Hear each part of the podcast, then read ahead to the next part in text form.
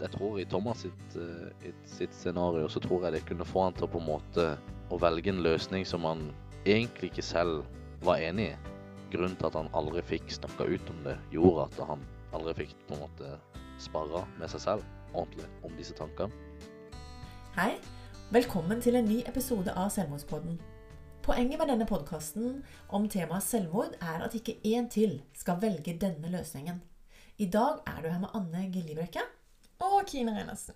Og vi har jo valgt å ha hovedfokus på unge menn som er usynlig deprimerte. Det vil si at det er ingen som vet at de sliter med disse tankene, og at de ikke klarer å snakke om det til noen. Vi har fokus på historier, og du kommer til å møte veldig mange forskjellige mennesker som har tanker rundt temaet selvmord her i podkasten. Vi er her med Mikk fremdeles. Og um, hva syns du om at uh, Kine og meg har starta denne selvmordspodden? Hva tenkte du først da? Er det litt too much, eller for tidlig, eller var navnet feil, eller hva slags tanker hadde du om det? Ja, helt ærlig. Uh, nei, jeg syns det var egentlig veldig gøy at dere starta en sånn podkast om dette, da. Men, men, det er jo mest pga. at uh, det var det, da. Jeg syns jeg synes det var utrolig sterkt gjort.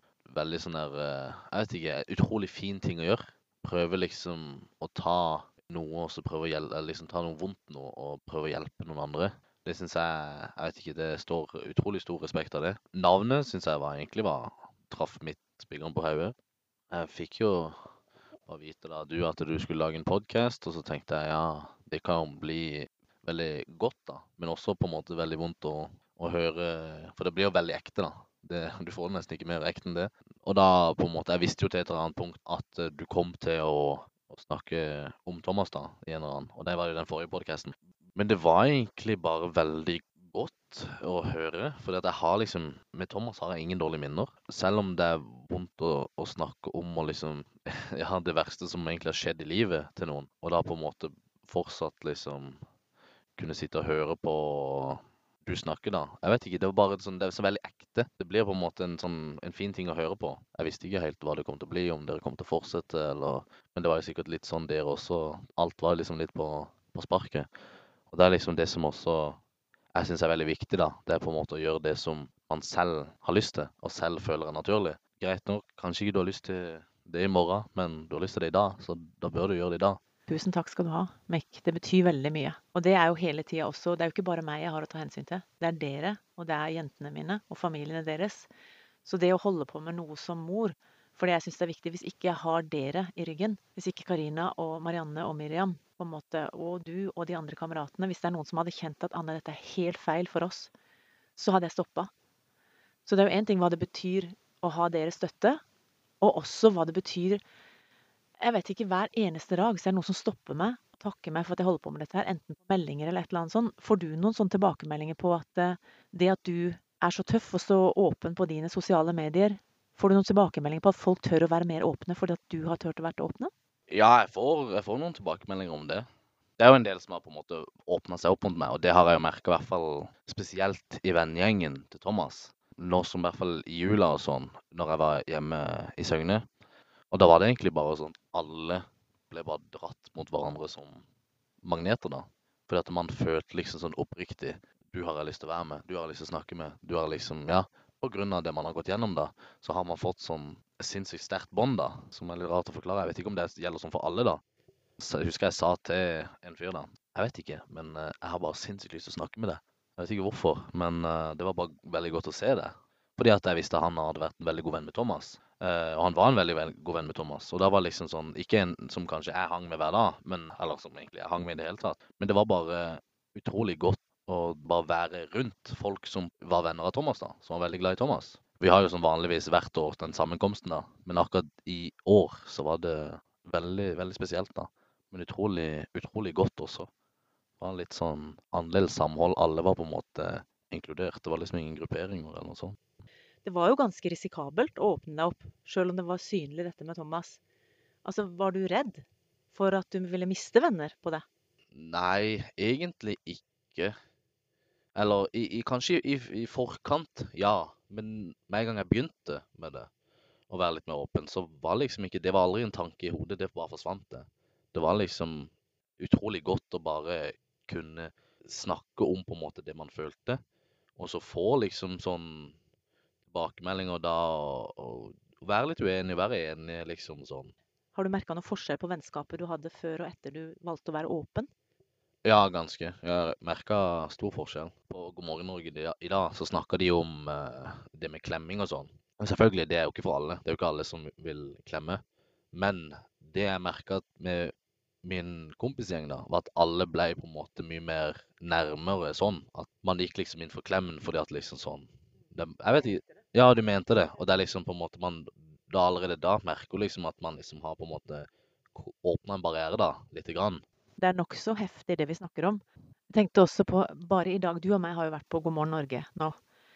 Og plutselig så er vi jo i hvert fall ikke noe sånn veldig ukjente, eller hva skal du si, for at den kan gjemme seg bak noen ting. Vi har på en måte bare hoppa uti det, både du og meg, til at uh, det er litt sånn lov å snakke med oss om selvmord. Og klokka er jo ikke ett engang i dag, og i dag er det tre stykker som enten har sendt meg melding eller bare møtt meg som fremmede mennesker, som har sagt at dette har jeg opplevd med en person som jeg har vært glad i. Plutselig er det lov for de å snakke med meg sjøl om ikke de kjenner meg. Så må jeg bare gi de en klem. ikke sant? Den ene gangen begynte jeg å grine. Og det, det, gjør meg ikke noe, på en måte. Men det er jo, har du merka noe at folk som ikke du kjenner, plutselig får lov til å, å, å, snakke med deg om mye dypere ting enn de ellers hadde gjort? Ja, ja i hvert fall i belysninga på en måte når, når de vet uh, hva som har skjedd. Så er folk, virker det som, mye mer åpne på, på å snakke med meg, da. Og litt samme som kanskje det jeg gikk gjennom, da. At, uh, at jeg, var, jeg, ble jo mer åpen for å snakke med andre etter det som skjedde. Så jeg forstår det jo. Og jeg setter jo sykt pris på det. Jeg tror de fleste er interessert i å hjelpe. Folk liker jo å hjelpe, eller jeg i hvert fall. Så hvis det er liksom Ja, hvis det er noen som kommer og snakker med meg, så kommer jeg liksom virkelig til å ta, ta meg tida til å snakke med dem. Fordi at jeg bryr meg, og jeg vet hvor mye, liksom, hvor mye det betyr. Og jeg vet også at uh, man trenger liksom ikke nødvendigvis å liksom kjenne hverandre så godt. Det er bare fint å på en måte det å sparre og kunne si selv kan liksom snakke for liksom å finne ut av hvor en selv står. Litt samme som det jeg gjorde. At jeg liksom snakka med venner, snakka med folk. For liksom å da å se selv hvor jeg var, og hva jeg egentlig mente. For man, hvis man bare sitter alene og tenker ting, så finner man egentlig ikke så godt ut hva man selv mener.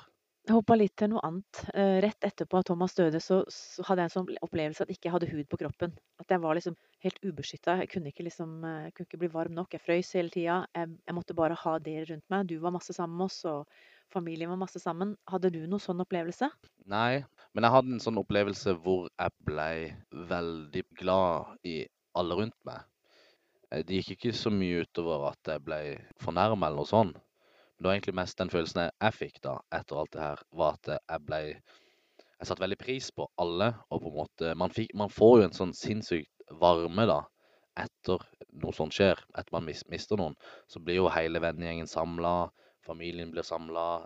Og på en måte måten, i hvert fall med Thomas, da, som var utrolig godt likt alle, så ble liksom Det ble en sånn sinnssykt varme, da, i etterkant at det skjedde. Men det også er på en måte litt den i og med at jeg sto oppi alt, så føler jeg på en måte at jeg, jeg var veldig ja, heldig da, at jeg fikk på en måte Alle, alle var veldig, alle brydde seg veldig mye. Og, og, det gjør jo folk enda. Men jeg kan jo se på den at eh, når man på en måte får så mye varme, og så plutselig så kommer liksom den vanlige hverdagen, så blir det mye tøffere.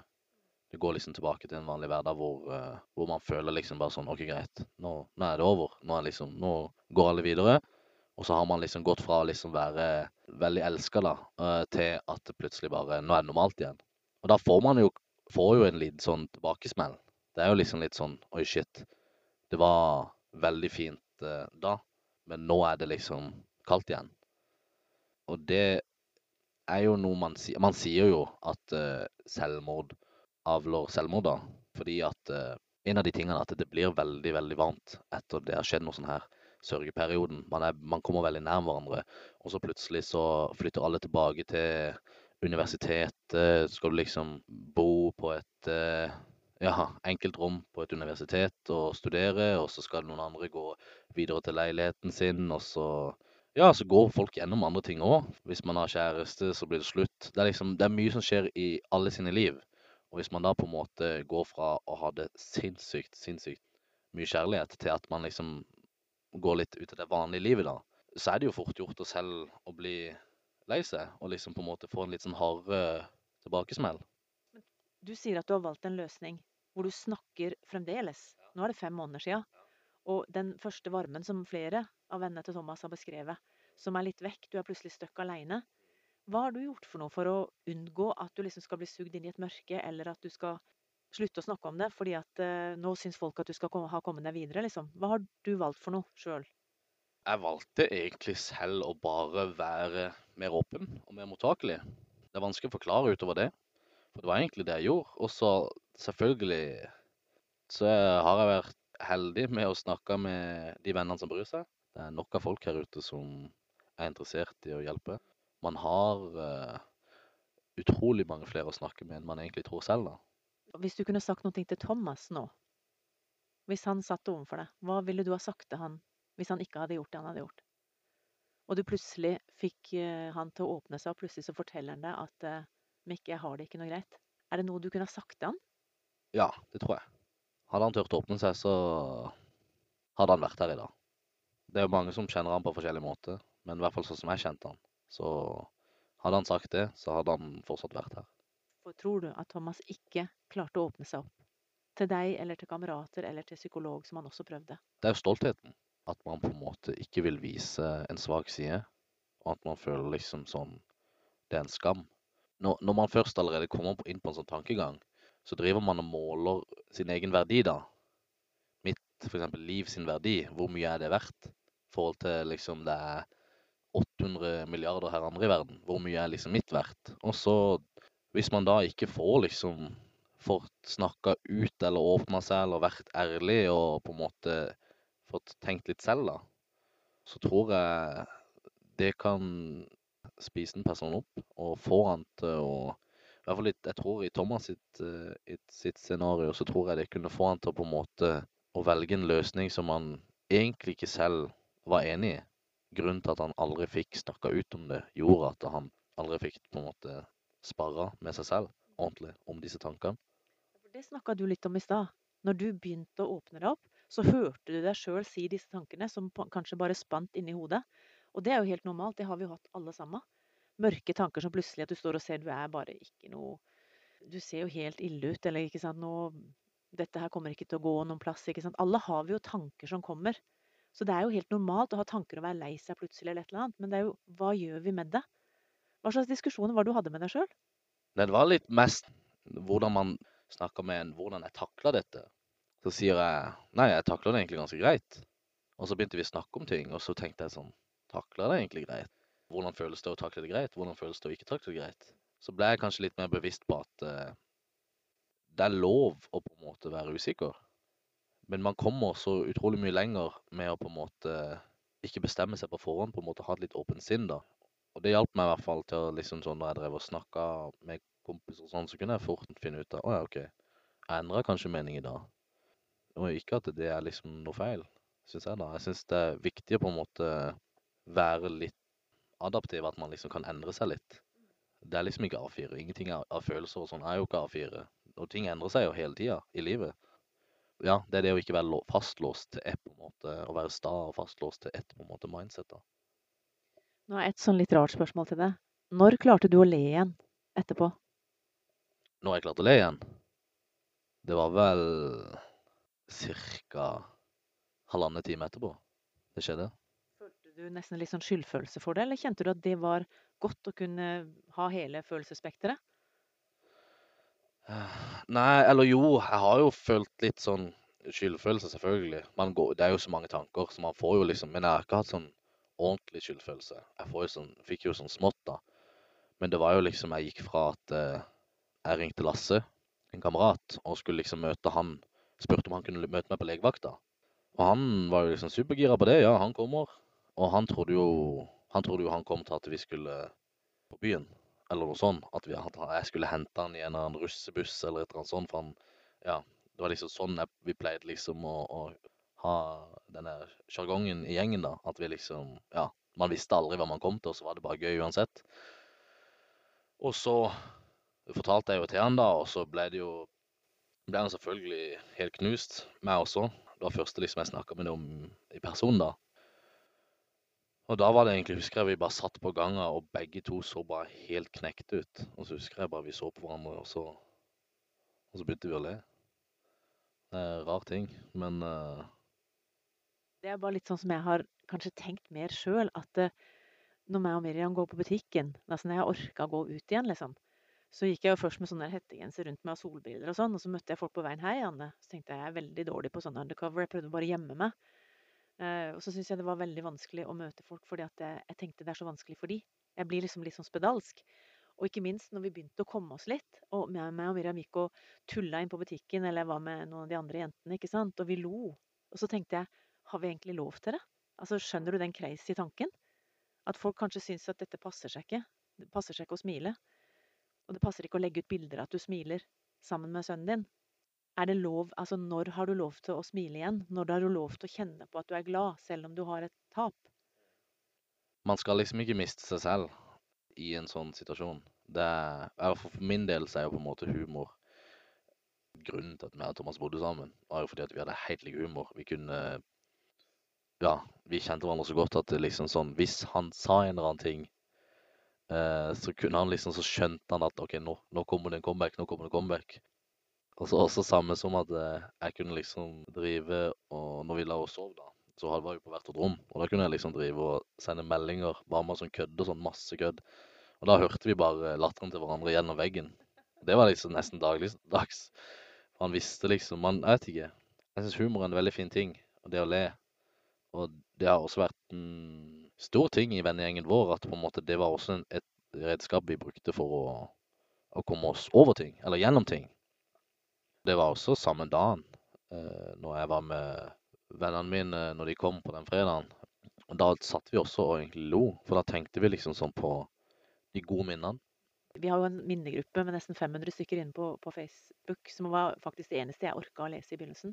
Og det er det mange som sier det. Hver gang jeg kjenner på liksom, at jeg holder på å bare vil grine, så, så begynner jeg å le samtidig. For det er tusenvis av minner av som du sier, den humoren dere hadde, alt det gøye dere hadde. Det overskygger på en måte også noe av at det bare er sorg, da. Ja, ja, det er egentlig akkurat som du sier.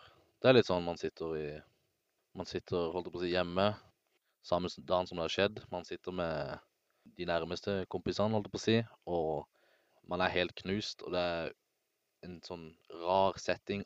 Det er liksom helt forferdelig. Og så er vi liksom ute i august, og så eh, kikker vi opp, og så ser vi liksom det står 'Happy Birthday' på veggen, som har hengt der fra februar. Bursdagen til Thomas i februar. Og det er da liksom sånn Jeg vet ikke, det er sånne øyeblikk som det, da, hvor man på en måte Det lyser litt igjennom, da. Og da ler man. Og jeg syns ikke man skal være på en måte Ja, ha skyldfølelse for det. Jeg syns egentlig bare det, det, er en fin ting. At man kan på en måte bruke det, da. Noe som er fint i livet til å komme seg gjennom ting. Ikke bare gå i svarttøy og sørge. Hvis jeg vil snakke om noe, så kan jeg sende melding til noen som er i samme rom. Det er liksom sånn, da Det gjorde jeg også senest på jobben her. Det var liksom sånn, Da satt vi alle satt i samme rom, og sendte jeg bare sånn fellesmelding til alle i rommet.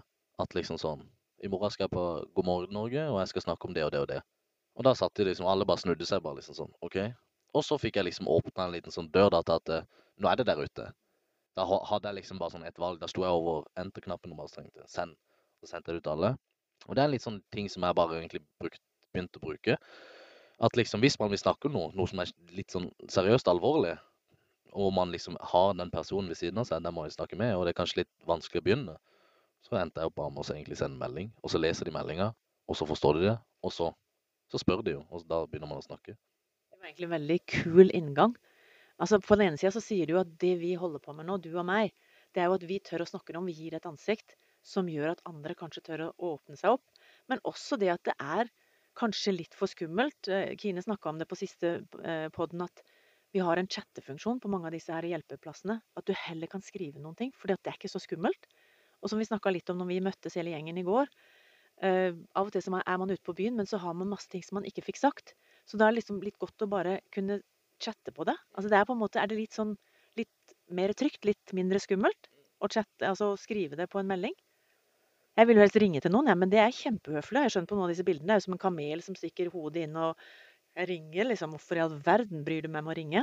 Bare send en melding, så kan jeg svare når det passer meg.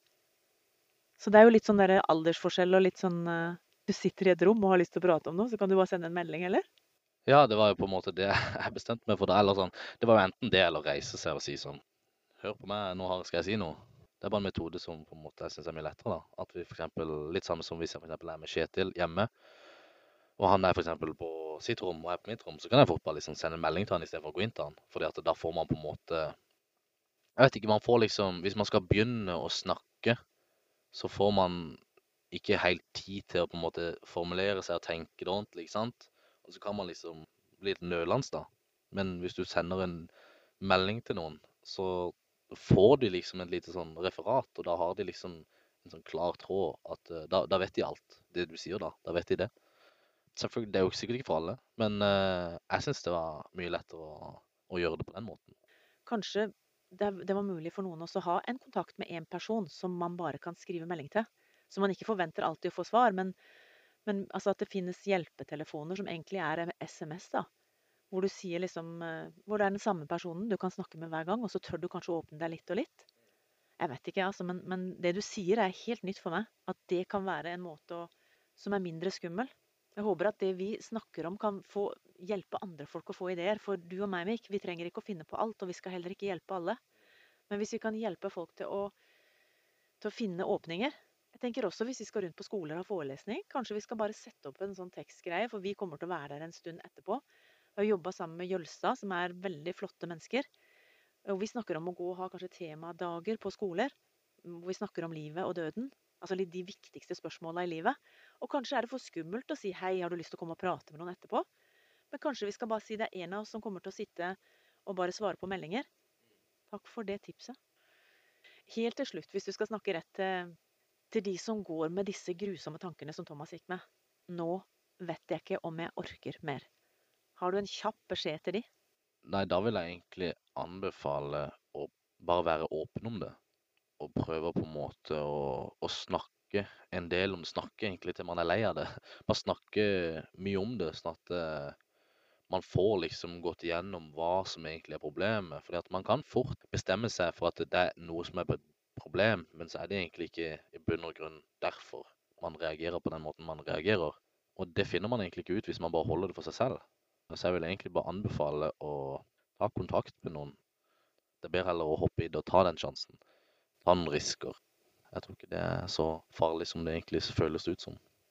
Men Mikk, tusen, tusen takk for at du ble med, og at du brukte denne tida på å fortelle noe som du sjøl brenner for.